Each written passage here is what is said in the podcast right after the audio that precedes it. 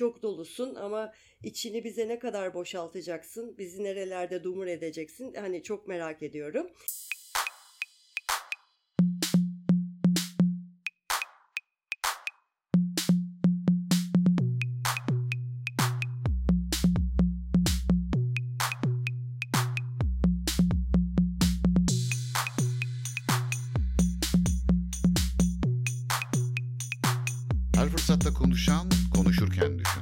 Düşünürken mutlu olan anti sağduyunun sesi. Mental manevralar başlıyor. Merhabalar, Mental Manevralara hoş geldiniz. Bugün yine Emre Hoca ile beraber e, bir sohbet gerçekleştireceğiz. Emre Hocam selam, nasılsın? İyiyim teşekkür ederim. Taşındım, taşınmayı başardım. Siz nasılsınız? Yeni evimden sanırım İyi. ilk kay- kaydım oluyor. Ee, Küçükçekmece'ye yolunuz düşerse beklerim. Evet inşallah. E, hayırlısı olsun yeni evinizde. Güzel günler dilerim size. Sağ olun, teşekkür ederim. E, nasıl gidiyor hayat? Klasik sorumu sorayım. evet, iyi- hayat iyi gidiyor. Yoğun, e, işte çalışmalar, projeler e, bildiğiniz gibi ama güzel bir gidişat var. Ee, yeni, ye- gebe güzel şeyler var. Ee, insanın gelişimine e, olanak tanıyan güzel şeyler var. E, dersler Çok yoğun. güzel. Her şey fazlasıyla güzel. Sizde ne var ne yok? Çok güzel. Ben ben de iyiyim. Bende de biraz güzel gelişmeler var. E, kitabım yeni baskıya girdi. Evet haberim var. Hayırlısı Ee, olsun. Ben sizi Ha, çok tebrik çok edecektim. unuttum. teşekkürler. Çok mersi. O tabii sevindirici bir haber. Bir Yine aynı yayın evinden girdi değil mi?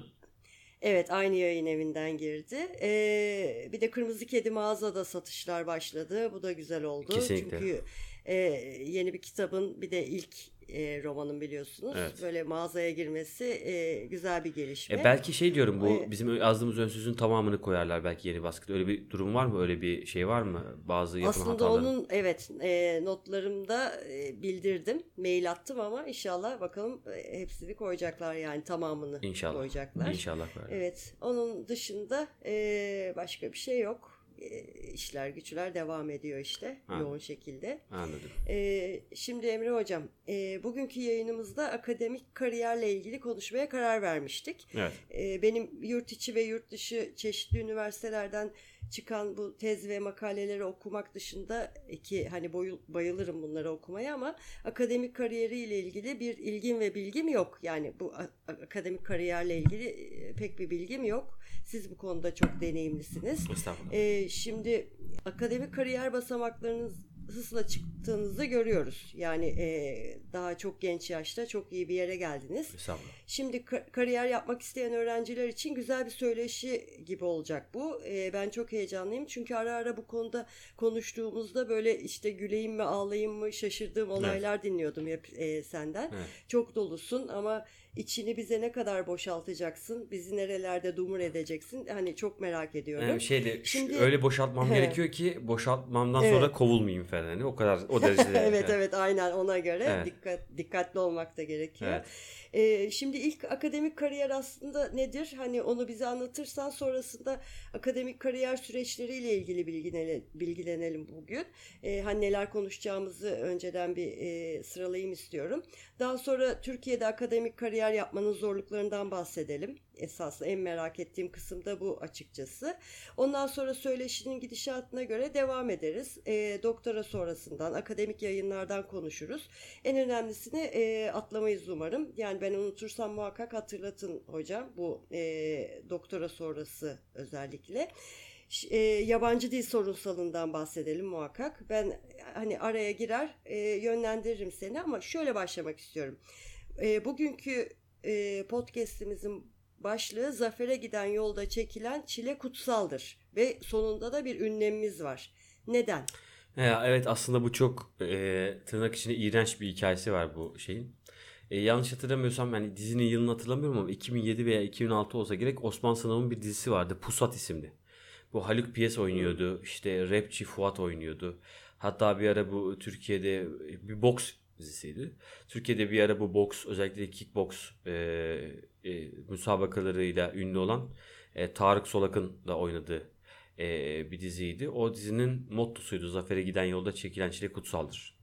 E, Tamamen sadece gerçekten de aklıma bu geldiği için yani çok eskilerden kalan bir şey geldiği için. Bu da aklıma e, şeyden gelmişti. Doktor tezi yazarken e, tabii çok fazla sıkılıyorsunuz masa başında sürekli oturmaktan dolayı.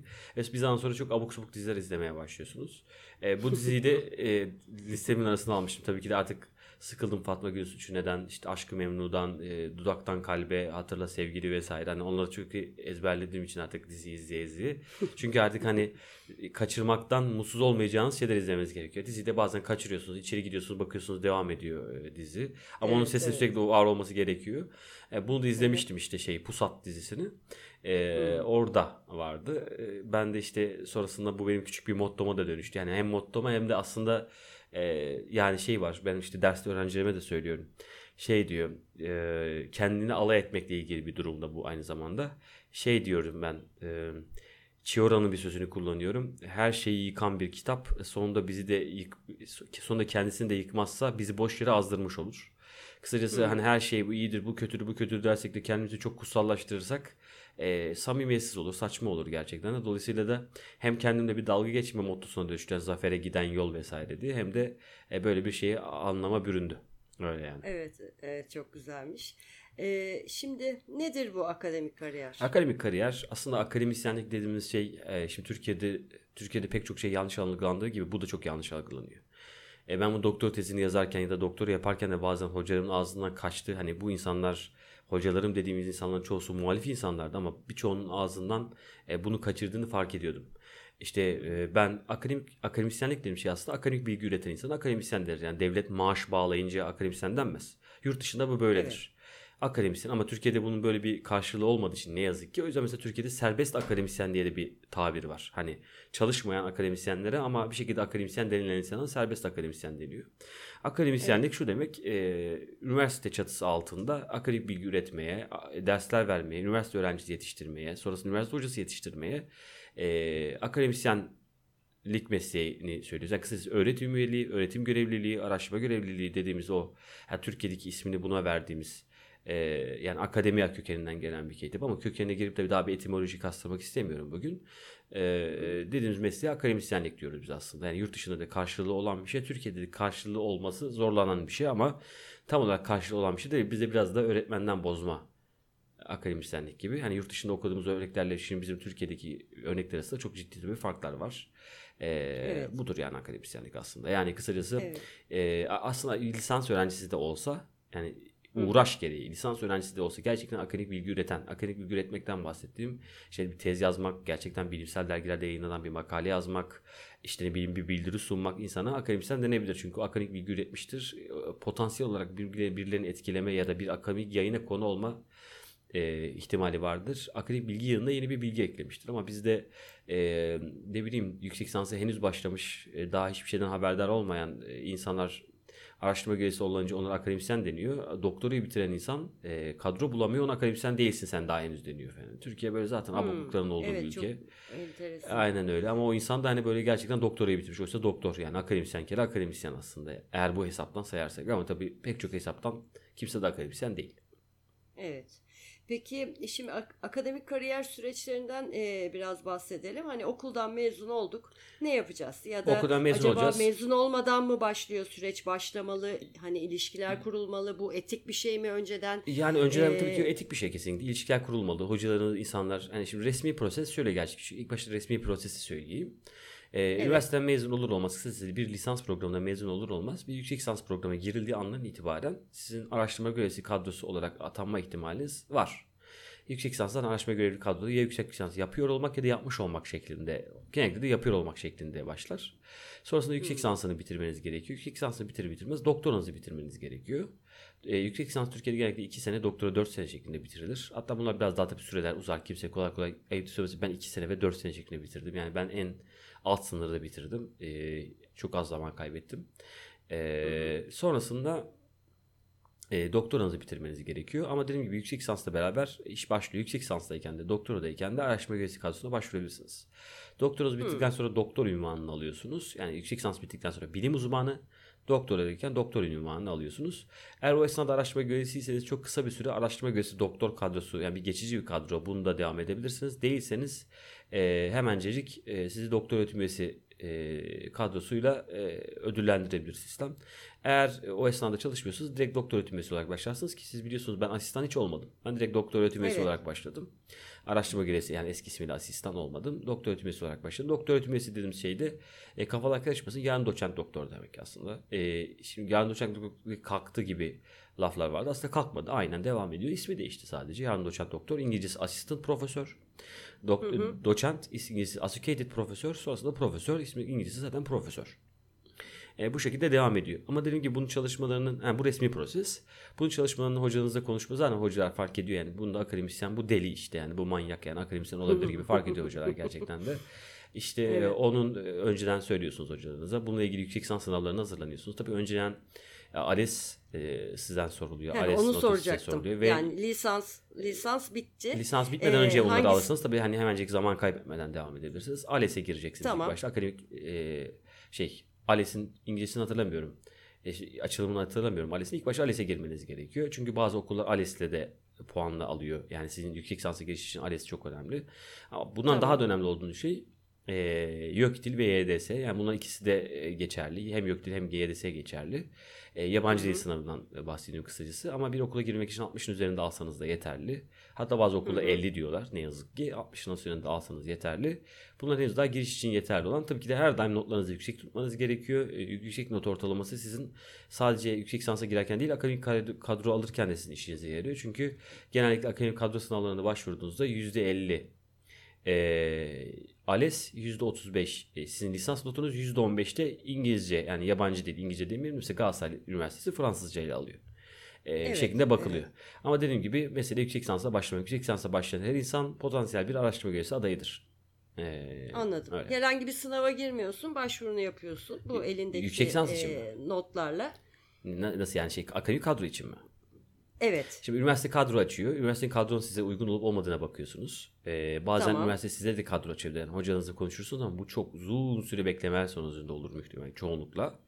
E, bir Evet. kadro açılır. O kadroya bakarsınız uygun mu size değil mi diye. Size eğer uygunsa ona e, belgelerinizi gönderirsiniz. Sonrasında değerlendirme, ön değerlendirme başlıyor. Ön değerlendirme Tamam. ilk ona girerseniz e, sınava katılma hakkınızı e, kazanırsınız. Sınava katıl ilk ona girdikten sonra bir yazılı sınav ve mülakat ama yanlış hatırlamıyorsam mülakat kalkmış. Yazılı sınava giriyorsunuz. Yazılı sınavda yani bir bilim sınavı dediğimiz bir sınav. O sınavda Allah'ın kimsenin aklına gelmeyen yani herkesin Allah'ın unuttuğu soruları size soruyorlar bilerek ya da bazen e, unut yani artık dik- dikkat etmediklerini dikkat etmediğinize emin oldukları çok basit sorular. Daha birinci soruları soruyorlar. İşte sinemada kod nedir gibi şeyler soruyorlar. Siz de apışıp kalıyorsunuz. E tabi kadro birisine açıldıysa e, bir şehirden bir başka şehirde bir başkasına açılmış kadro için sınavına girmek için gidiyorsunuz. Eğer size açıldıysa na, amenna bazen de kimseye açılmıyor. Gerçekten ihtiyacımız var. Kimi almamız gerektiğini de bilmiyoruz. Adayımız yok. Bakalım adaylar arasında seçelim de oluyor. Ama burada hani şu aşamaya gelen insanlar için söylüyorum. e, kes- kesinlikle bir başkasına açılmış kadro ben bu sınav, bunun sınavına gitmeyeyim diye demesinler. Her daim sınavlara gitsinler. Ya da kendilerine bir kadro açılıyorsa da bunda çok emin olmasınlar. e, yine de çalışsınlar. E, çünkü bana da e, benim için de mesela Erzurum Atatürk Üniversitesi beni istediğinde biraz daha benim alınacağımı düşünerek bana da bir kadro ilanı verilmişti. Lakin ben alınmadım bir başkası alındı yerime. E, bunun gibi örnekleri de oluyor. Tam tersi de oluyor kısacası. Evet. Yani fevkalade Peki, çileli bir süreç yani. Mülakatların kalkma sebebi nedir acaba? Yani bu tırnak içinde oldu, kötü mü oldu? Şimdi bu arada mülakatların kalkıp kalkmadığı konusunda emin değilim. Bunun bir duyumunu aldım. Çünkü Hı. akademik kadromu Tamam. alır almaz bunun şey yaptı. Ama eğer kalktıysa bu torpille ilgili süreçlerde ama tabii ki bu bir önlem hiçbir şey değil yani aslında. Yani bu değil ki zaten hani bir kadro akademik kadro başvurusunda bir yerden başvurduğunuz zaman o aldığınız kişinin zaten haberi size geliniyor. Yani bu kişi için açılmış kadro diye. Çoğunlukla bakıyorsunuz ki o kişi sorulardan haberdar bir şekilde geliyor zaten oraya. Yani hangi soruların sorulacağını haberdar şeklinde geliyor yani. Kısacası oraya o kadroyu onun için açan insanlar ona hangi sorular soracağını söylüyorlar. Biz bunu, bunu soracağız çalış düzgün cevap ver diyorlar. Şimdi bunun da hem tabii bu gayri etik bir durum da var hani burada aynı zamanda. Aynı zamanda bir şöyle bir durum da var. E, Her tüm okulda çalışacağından hani e, doğru kişi olduğundan emin olduğun insanlarla çalışmak istiyor. E, ça- çalışma uyumunu sağlayabileceği insanlarla çalışmak istiyor. Yani kısacası okulların da bir haklılık durumu var. Onlar da Evet. akademik kadro gibi bir konuda işte ekolün mekolün önemli olduğu akademik kadro gibi bir konuda kör atış yapamazlar. Onlar da öyle bir önlemde buluyorlar ama galiba yap, yapılan hani eğer gerçekten olduysa tam dediğim gibi emin değilim. Eğer gerçekten böyle bir şey olduysa yapılan e, hareketin bu hareketin amacı bu olsa gerek. Yani bir torpili Hı. engellemek ama tabii ki de engellemeyeceği çok ortada. Hani torpili tamamen engellemeye çalıştığımızda mükemmel sistem koysak dahi yine de engellenemez. E, Evet. Çünkü hani bu bizim bir yerde kültürümüzde de var gerçekten. Yani iltimas dediğimiz şey yani toplumsal kültürümüze oturmuş bir şey artık. E, bu akademisyende de var. İşte belediye adam olurken, çaycı alırken de var. Her yerde var. Evet her yerde var aslında. Evet. Ee, şimdi e, akademik kariyer yapmanın zorluklarından biraz bahsedelim. Şimdi ben akademik kariyer ile ilgili e, bir yerde yorumlara denk gelmiştim. Evet. Büyük bir çoğunluk yapmayın diyor. Çoğu pişman. Hatta e, bir temel fıkrası vardı. E, işte temel akademik kariyer yapmak için müracaat etmiş fakülteye. E, yok anlatmayacağım hocam vazgeçtim. Ha, Vazgeçtim. anlatmıyorsunuz. Ama çok komikti.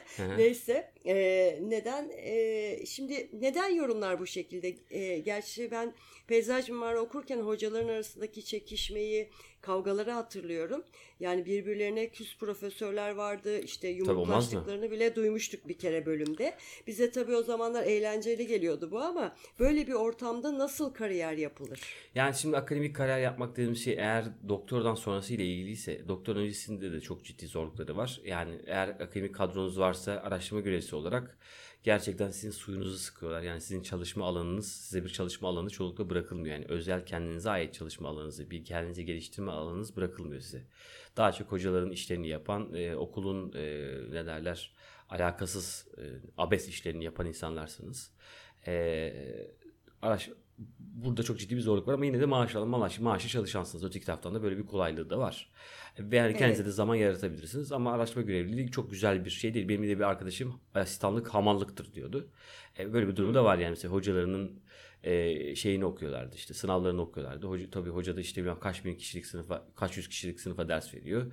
O sınavların işte yükümlülüğü vesaire her şey çok gerçekten de felaket oluyor. Öteki taraftan da e, yüksek lisans ve doktora yaparken yine şeyden bahsedebiliriz. E, zorluk olarak eğer ak- akademik kadronuz yoksa tabii ki de yanında bir iş bulmak zorundasınız. E, tez yazıyorsunuz sürekli olarak kaynak almak durumundasınız. Özellikle benim gibi nitel tezler yazan insanlarda çok fazla kaynak olmak durumunda. Benim tezimin 27 sayfalık bir kaynakçısı var.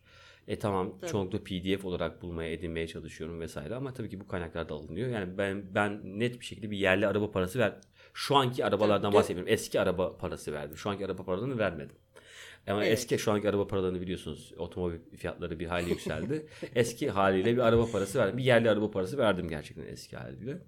Ee, Evet. Tabii ki kendinizi finanse etmeniz gerekiyor. Yani aileniz size bir yere kadar destek olabilir ya da hep de destek olabilir ki bu konuda siz biliyorsunuz ben çok şanslıyım. Ee, Evet, yani benim evet. ailem benim fazlasıyla destekçi. Ben ne kadar işte doçentsem benim ailemde o kadar doçent. Ben ne kadar profesörsem benim ailemde o kadar profesör gerçekten Ne o anlamda. güzel. ne Yani çok az güzel. bulunan bir şey bu insanlar. Çok daha aileleri yeter artık diyebiliyorlar ki onlar da haklılar. Türkiye'de Evet, akademik evet. kadro bulma yaşı ortalama 27'ymiş. Ee, Hmm. Dolayısıyla 27 yaşına kadar insanın pekala ihtiyaçlarının giderilmesi gerekiyor. Ee, sonrasında çok yoğun bir yaşam başlıyor. Öteki taraftan doktor öğretim üyesi olduktan sonra da aslında bundan çok fazla değişen bir şey yok. Yani zaten e, aldığınız maaş e, sizin kendinizi geliştirebilmenize, işte yeterince kaynak alabilmenize, işte sürekli olarak eğer mesela ben sinema hocasıyım. Sürekli olarak sinemaya gidebilmenize, işte filmler edinebilmenize, yurt dışına çıkabilmenize, yurt dışına gezebilmenize ki akademisyenlik sadece ders vermekle ibaret bir şey değil. Bir öğretmenlik değil nihayetinde. Bunlar için Evet. yeterli bir maaş değil. E, dolayısıyla da işte e, çoğunlukla akademisyen olan arkadaşlarım çoğunlukla başka türlü yatırımları da olan insanlar olduklarını görüyorum. İkincisi dediğiniz gibi ho- hocalar arası çatışma, çekişme. E, ben özel üniversitede bunun daha az olduğunu görüyorum. Şu anda bir özel üniversitedeyim. Devlet üniversitesinde daha fazla. Çünkü özel üniversitede bir yayın yapma e, baskısı var. E, özel üniversitede insanların kadroları devlet üniversitesindeki insanlar kadar rahat değil. Kısacası herhangi bir uyumsuzluk onların kadronun kaybetmesine sebep olabilir. Herkes işine fokuslanmış durumda özel üniversitelerde. En azından benim deneyimlerim kadar. Ama devlet üniversitelerinde normal memur tembelliği dediğimiz şeylerde yani kısacası böyle bir belki de bir demir yorgunluğu gibi bir şey, metal yorgunluğu gibi bir şey olabilir. İnsanlarda görüyorum. Onunla dediğim gibi hem e, işte siyasi konjüktür açısından hani bir kamplaşma, hiz- hizipleşme, birbirlerinin ayağını kaydırmaya Evet. çalışmacak ki zaten e, yani akademisyenliğin çok çok hani işte bir intihal, intihal çok çok derin bir yara zaten hani bunlar çokça oluyor. E, şey gibi bir şey hani şeyin gibi Hobbes'un dediği gibi homo homini lupus yani insan insanın kurdudur. Onun böyle bir Evet. çeşit bir de tamamen düşünün faaliyete geçtiği bir. Yani düşün dediğimiz şeyin düşün mesleği yani. Düş, düşünmekle ilgili bir meslek akademisyenlik. E, fiziksel değil tamamen zihinsel bir olay. Tabii ki de yani işte ders anlatması falan fiziksel bir şeysi var ama tabii zihinsel bir olay. e, akademisyenlik. Evet. Ve dolayısıyla da herkesin zihninin böyle satranç tahtası gibi çalıştığı e, işte e, kurtlar sofrası gibi bir durumda var aslında yani bir yerde de. Evet. Ama yani bu akademisyenlikten soğuması için yeterli. Türkiye'deki akademik ortamın kötü olması akademisyenlikten soğutmamalı. Akademisyenlik çok güzel bir meslek. Evet yani bu kadar sert işte e, başta dediğim gibi büyük bir çoğunluk gerçekten yorumlarda hepsinde yapmayın akademik e, kariyer diyordu. Bu kadar sert bakmıyorsunuz. Ya bakmıyorum bir de hani insanlar maaş almak için, para kazanmak için akademik kariyer yapıyorsa yapmasınlar gerçekten de. Yani akademik kariyer her şeyden önce bir uğraştır akademisyenlik. Ee, Bu eğitim dediğimizde bir şeyle ilgili. Eğitim dediğimiz şey yarış değildir. Yani bir insan bir okuldan mezun olacağı zaman o okulun işini yapmak zorunda da değildir. Devlet ona öyle bir Evet. kesinlik vermek zorunda da değildir. O insan işte diyor ki ben 4 senelik okuldan mezun oldum. Bu devlet bana iş bulacak. Hayır efendim sen 4 sene boyunca o mesleği öğrendin. Bakalım öğrendin mi öğrenmedin mi? E şimdi dolayısıyla da akademisyenlikte de akademik bilgi almak şeklinde düşünmemiz gerekiyor. Yani eğitimimize devam etmemiz. Eğitim bir yarış değil ki bir edinimdir. Bunu bir Evet, edinim evet. olarak görürseniz, görürseniz bu sıkıntı kalkmıyor ortadan. Ama öte herkes tabii ki de insanlar da haksız değil yani. Hak da veriyorum insanlara. Ekmek parası. Böyle de baktıkları için yapmayın diyorlar. Yani çünkü uzun ve meşakkatli bir yol. İşte kısacası her türlü yalanın, e, riyanın olduğu bu yer. E, sıkıntı oluyor tabii ki de. Evet. E, şunu anladım. E, doktor olduktan sonra sanki daha kolay geçiyor bu süreç. Öyle çünkü mesela araş- Yani- örneğin araştırma görevlisinin atanması e, koşullarıyla atanma araştırma görevlisinin bir kadro bulması e, ihtimaliyle doktor öğretim bir doktor olmuş insanın kadro bulma ihtimali veya araştırma görevlisinin kadro bulma şekliyle e, doktorun kadro bulma şekli arasında çok ciddi bir fark var. Araştırma görevlisiyken bayağı siz sınanıyorsunuz, dalanıyorsunuz. Doktorken e, daha çok e, bir üniversiteyle anlaşıyorsunuz. Ben sizde çalışmak istiyorum. Üniversite diyor ki evet biz sana şu dersi anlattırmak istiyoruz. Sen zaten başarılı bir insansın gel. Evet. Ee, orada öyle bir ikili bir durum hani doktorken çok daha kolay ama şimdi mesela ben şu anda 7 saat veriyorum. İşte 7 tane dersim var. E, haftada 28 saat ders veriyorum. E tamam bunun ek ders ücretini alacağım ama fevkalade yoğun oluyor biliyorsunuz yani. Bugün mesela bir dersim azdı ama pazartesi günü sabah saat 9'da başlıyorum. Akşam saat 6'ya 7'ye kadar ders anlatıyorum. Yaklaşık 3 farklı derste. E, benim şu anda aynı anda işte 3 tane makalem var. Onları bir an evvel bitirmem lazım. Bitirdiğimde düzeltmem lazım. Aynı anda işte 2-3 tane kitap bir tanesinde siz ortak yazarsınız biliyorsunuz. işte 3 tane kitabımız var. Onu e, düze, işte devam ettiriyorum. Kendi film çalışmalarımı devam ettiriyorum ve bunca, bunların arasında yapmaya çalışıyorum. Bir arada evleniyorum. Yani evlenmeye çalışıyorum daha doğrusu biliyorsunuz. Evet. E, Dolayısıyla Evet, fevkalade zor oluyor ama e, bu dediğim gibi işte ben biraz para kazanacaktım işte aldığım paraya bu çektiğim şeyle değer mi şeklinde düşünülürse e, olmaz. Bu bir yaşam biçimi. E, siz beni e, biz, biz sizinle uzun yıllardır tanışıyoruz. Siz beni ilk tanıdığınızda da ben bu yaşam biçimine adapte bir insandım. Böyle yaşayan bir insandım. Böyle yaşamaktan gurur duyan mutlu olan bir insandım. Hala böyleyim. Muhtemelen 30 sene sonra da böyle olacağım diye tahmin ediyorum. E, bakalım neler getirecek hayat ama e, evet bir e, para alma yani meslekten daha çok bir uğraş gibi düşünülür. Yani öyle düşünürse daha da güzel olur. Tabii ki de bir meslektir ama e, bu böyle şey gibi bir şey değil yani. Pazarcılık gibi değil yani. Sattığınız ürünün ki adını ürün de diyebilirim. Sattığınız ürünün sonuçlarını da e, takip etmek zorundasınız orada. E, kendinizi sürekli geliştirmek zorunda olduğunuz bir alan. Evet. Yani bizim öyleyse, bizimki gibiyse bile. Yani e, şimdi çalışmayı seven insanlar galiba daha çok akademik Evet. kariyer yapmak istiyor. Yani e, mesela ben çalışmayı e, işte dersle birlikte bilgiye ulaşmayı, o sistematiği çok sevdiğim için işte ikinci üniversitemi okudum. Şimdi de üçüncüyü okuyorum. E, bu akademik kariyerde böyle bir şey. Şimdi ben yani bu yaştan sonra e, akademik kariyer yapamam. Zaten kadro açılmaz e, Yani bana. doktor olmanız O yüzden- gerekir. Ha, doktor olmam gerekir. Ee, işte bunu yapamadığım için ne yapıyorum? Yine o bilgiye ulaşmak için çalışmanın verdiği, o ders çalışmanın verdiği hazzı e, üniversite okuyarak ve işte o bilgiye de daha rahat ulaşıyorum. Daha düzenli Ben de bu yüzden akademisyen oldum aslında yani. Ben de bunları Ha, bilmem gerekiyor aslında, dedim. ha, onu söylemeye çalışıyorum. Bunu seven, ders çalışmayı çünkü sürekli her sektör kendini yeniliyor ve sürekli e, akademisyenler de çalışmak, kendini işte yeni bilgilere ulaşmak e, zorunda olduğu için hani biraz da karakter anlamında böyle bakıyorum akademik kariyer Ben yap- yapanlara. Ben de öyle düşünüyorum. Yani böyle olması lazım zaten yani. Bu işte Evet, o kitap samimi merak. e, hazzı değil mi hocam aynen öyle. yani? Samimi hani altını merak yani. çizerek Sürekli- çalışmanın hazzı. Yani hala siz de muhtemelen olursunuz. Ben hala bir kırtasiye girdiğimde böyle defterleri görünce ağzım sulanıyor. evet, İşte evet. ne bileyim kalemleri, defterleri, görünce işte aynen. böyle bazı yayın evlerinin yayın yapma biçimine karşı böyle fetiş İşte örneğin mesela. Metis'in kapağıyla o ilk sayfası arasındaki bir renkli sayfası oluyor. Öyle mesela hastalıklarımız falan var. İşte ne bileyim Evet. e, işte evet, e, evet. evimizdeki şu anda işte yeni taşındık evimize. Evimizdeki en e, en önemli dekoratif unsur kitap. Çünkü en çok o, o var. Evet. E, başka Aynen. pek çok şey aslında yok ama bolca kitap var. Yani bu gereklilik. Bir de bizim gibi alanlar için yani sinema ben sinema ve felsefe alanında akademisyenim.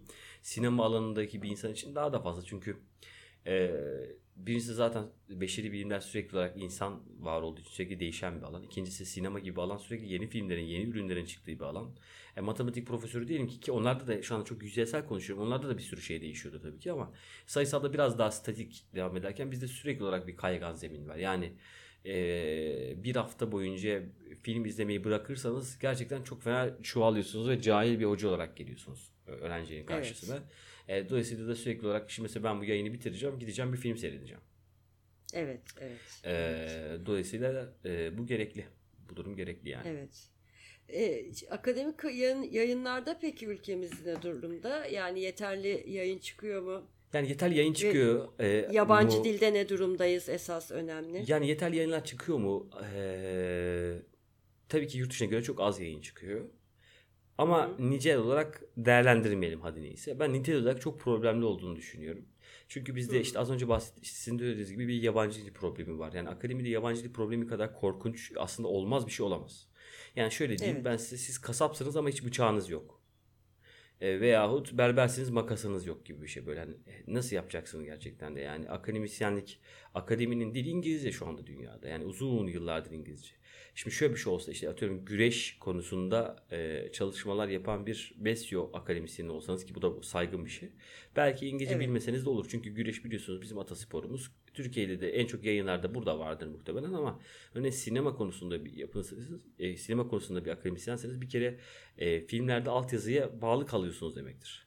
Yani altyazı Hı dediğim hı. yani en azından bir dilde altyazıya ve en önemli dilde altyazıya bağlı kalıyorsunuz demektir. Altyazının çevirmeninin insafına bağlı kalıyorsunuz demektir. Bu akademik bilgi olamaz yani gerçekten birincisi. İkincisi Türkiye'deki çevrilen kitaplara, yazılan makalelere, kısacası İngilizce bilen insanlara bağlı kalıyorsunuz demektir. Kısacası siz e, yaptığınız mesleğin dilini bilmiyorsunuz demektir. Bu sayede ben mesela örneğin İngilizce bilmem sayesinde ne yapıyorum? Ben İngilizce Amerikan ve İngiliz sineması üzerine yazıyorum. Mesela bir dili bilmeyen insanlar yani Rusça bilmiyor. Rus sineması üzerine tez yazmaya kalkıyor. Makale yazarsın belki ama Rus sineması üzerine tez yazabilmen için mesela Rusçayı bilmen gerekiyor falan. Bu dil konusu Evet. Türkiye'de ciddiye alınmıyor. Bu yüzden de çalışmalar e, çeperli olmuyor. Yeteri kadar literatür tarayamıyorsun. Literatür tarayamadığın için aslında insanların belki 30 sene önce söylediği şeyi sen kendi yeni ilk kez söylüyormuş gibi söylüyorsun. Ama oysa artık geçerliğini yitirmiş önemsiz bir bilgi. Bunun yanında e, Evet. bizdeki çalışmalarla ilgili şöyle bir durum da var. Mesela e, ben hep olabildiğine makalelerimde güncel filmlerden bahsetmeye çalışıyorum. Ama e, benim hocalarımın hepsinin böyle 1920'lerde 30'larda çekilmiş filmlerden ya da daha da hani 40'larda 50'lerde 60'larda dediğim çekilmiş filmlerden ilgili örnekler verdiğini ve makale yazdıklarını görüyorum. Çünkü e, o filmde yapıla çok olmuş. Üzerine yayınlar yapılmış. Yayınlar Türkçe'ye çevrilmiş. Ama güncel bir eseri İngilizcesinden okutu, oturup okuyamayacakları için ya da filmi İngilizcesinden izleyip tam olarak filmin derdinin ne olduğunu anlayamayacakları için yeni filmden örnek veremiyorlar. Sürekli olarak eskiyi e, şey yapıyorlar. Deşmek, e, işte Evet. havanda su dövüyorlar gibi gerçekten de. E, böyle bir durumla karşı karşıyayız. Dolayısıyla da dil bilmeden akademisyenlik olması imkansız yani. Şu anda bildiğimiz Türkçe akademide geçerli bir dil değil. Özellikle benim alanımda mesela sosyal, sosyal bilimler alanında pek çoğunlukla değil. Ee, her ihtimalle bir en azından minimum bir yabancı bilmesi gerekiyor. Onu yabancı dil gibi bakılmaması gerekiyor. Yani biz mesleğimizi yaparken aslında Türkçe bizim yabancı dilimiz.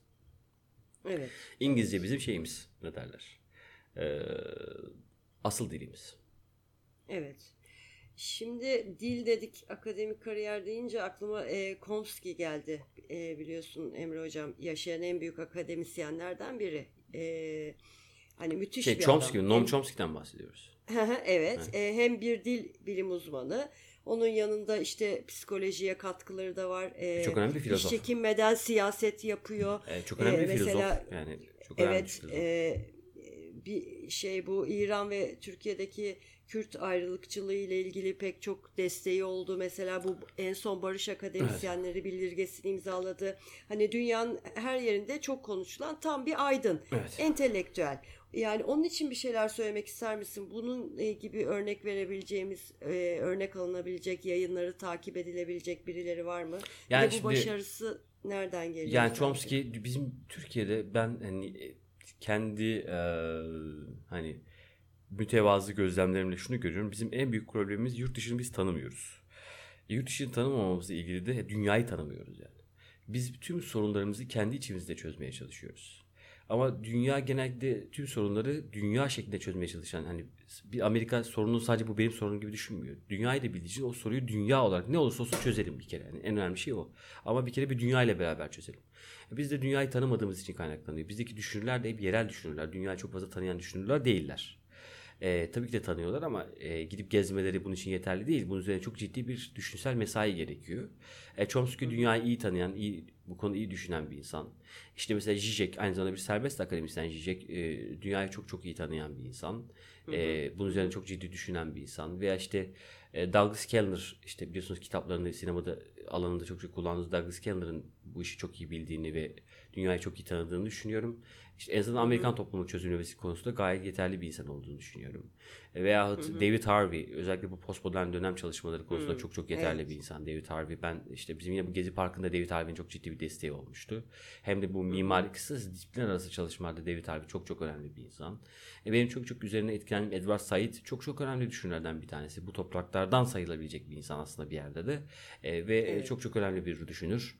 E, işte bu biz batı aydın dediğimiz şey batılı anlamda bir kelimedir aydın. E, doğuda bilge vardır. E, örneğin işte Evet. örneğini verirsek işte Sartre bir aydın ya mesela hani o da çünkü Hı hı. e, işte Fransız Sartre. E, tam olarak e, kendisi eşcinsel değil ama eşcinsel haklarını savunuyor. Yahudi değil Yahudileri savunuyor. Filistinli değil Filistinlileri savunuyor. Kısacası devletin üzerinde bir az sineği ve e, bir aydın. E, genellikle o aydınlık mesleği akademisyenlerden, aydınlık işi akademisyenlerden düşünülür. Akademisyenlerden e, bilinir. Yani akademisyenin aydın olması beklenir. E, bizde bu anlamda bir aydın akademisyen, e, tabii alanında çok çok özel akademisyenlerimiz var kesinlikle. İşte mesela Hı, benim alanımda örnek vermek gerekirse benim alanımdan ben örnek. hayranlık besledim kendisine. Bülent Diken biliyorsunuz Kadir Has Üniversitesi'nde işte Hı, sinema evet. bölümünde Bülent Hoca. İşte bu filmlerle sosyoloji, Nuri Bilge Ceylan sineması e, Türkiye'de gerçekten de şu anda hani ciddi anlamda hem sinema yazarlığı konusunda üzerine çok ciddi e, çalışmalar yaptı. Yani sinema yazarlığı konusunda çok ciddi çalışmalar yapan bir insan. İşte e, aynı zamanda da şey yani yurt dışında da tanınan ünlü bir akademisyen e, Bülent Diken. Veya işte benim hocamdan örnek verebiliriz. Biliyorsunuz Oğuz Hoca da e, sinema, antropoloji, sinema ve felsefe konusunda çok ciddi çalışmalar yapan bir insan. Oğuz Adanır'dan bahsediyorum. E, işte Doğu Batı yayınlarına çıkıyor genellikle kitabı. E, çok çok aynı zamanda iyi de bir aydındır da Oğuz Hoca. Yani aydındır mı? Entelektüeldir Oğuz Hoca. Çok büyük bir entelektüel. Çünkü aydın sorumlulukları bambaşka. Oğuz Hoca biraz daha kendi içinde yaşayan bir insan. Ee, veya işte yine benim alanımla ilgili Serdar Öztürk mesela. Sinema ve felsefe alanında çok çok önemli hocalarımızdan bir tanesi. İşte bu Sinefilozofi e, dergisinin ve sinema ve felsefe sempozyumunun e, başkanıdır kendisi. E, Evet. Aklıma mesela kendi alanımla ilgili bunlar geliyor. Ee, Evet. Daha da aslında bunu biraz daha çeşitlendirebilirim ama şu anda hani üzerine oturup bir düşünmek de gerekiyor falan. Hani, e, çeşitlendirebilmek için. İşte mesela örneğin Türkiye'de e, iletişim alanında Ünsal Oskay yıllarca çok ciddi bir ekol e, ekol temsil edilmiş Ünsal Hoca. E, Marmara Üniversitesi'nin e, ünlü hocalarından birisi Ünsal Oskay.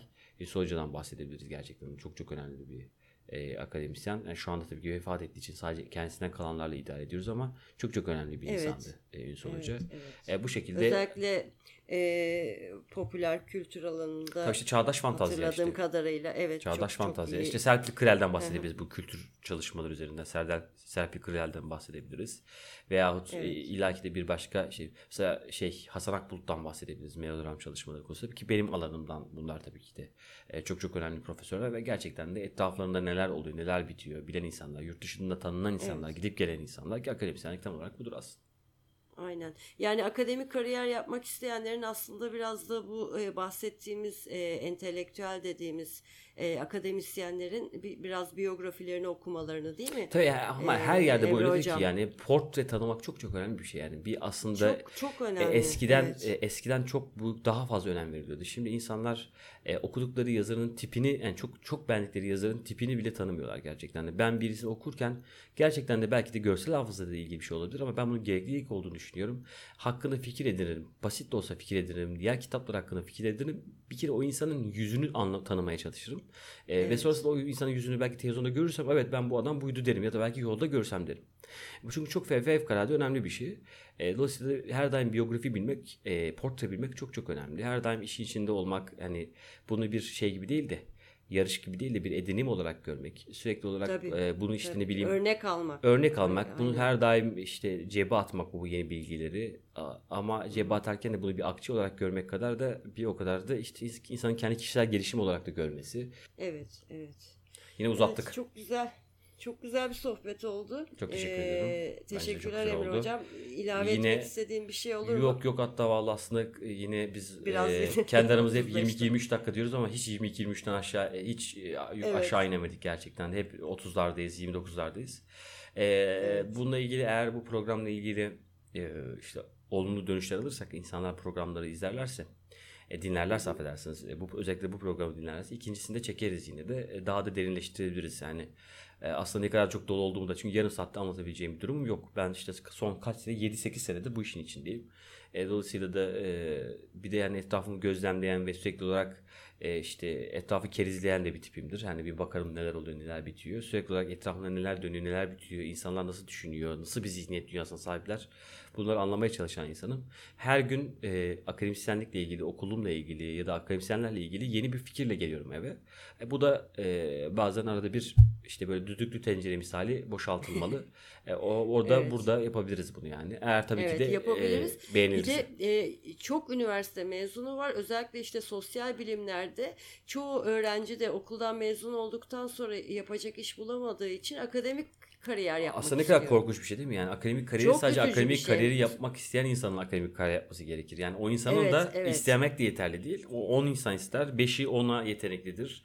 3'ü yetenekli, yeterince bilgi verebilecek kadar sabırlıdır. Öncelikle çok sabırlı olması gerekiyor. Evet akademik kariyerin benim annem şöyle diyor demişti bir yerde.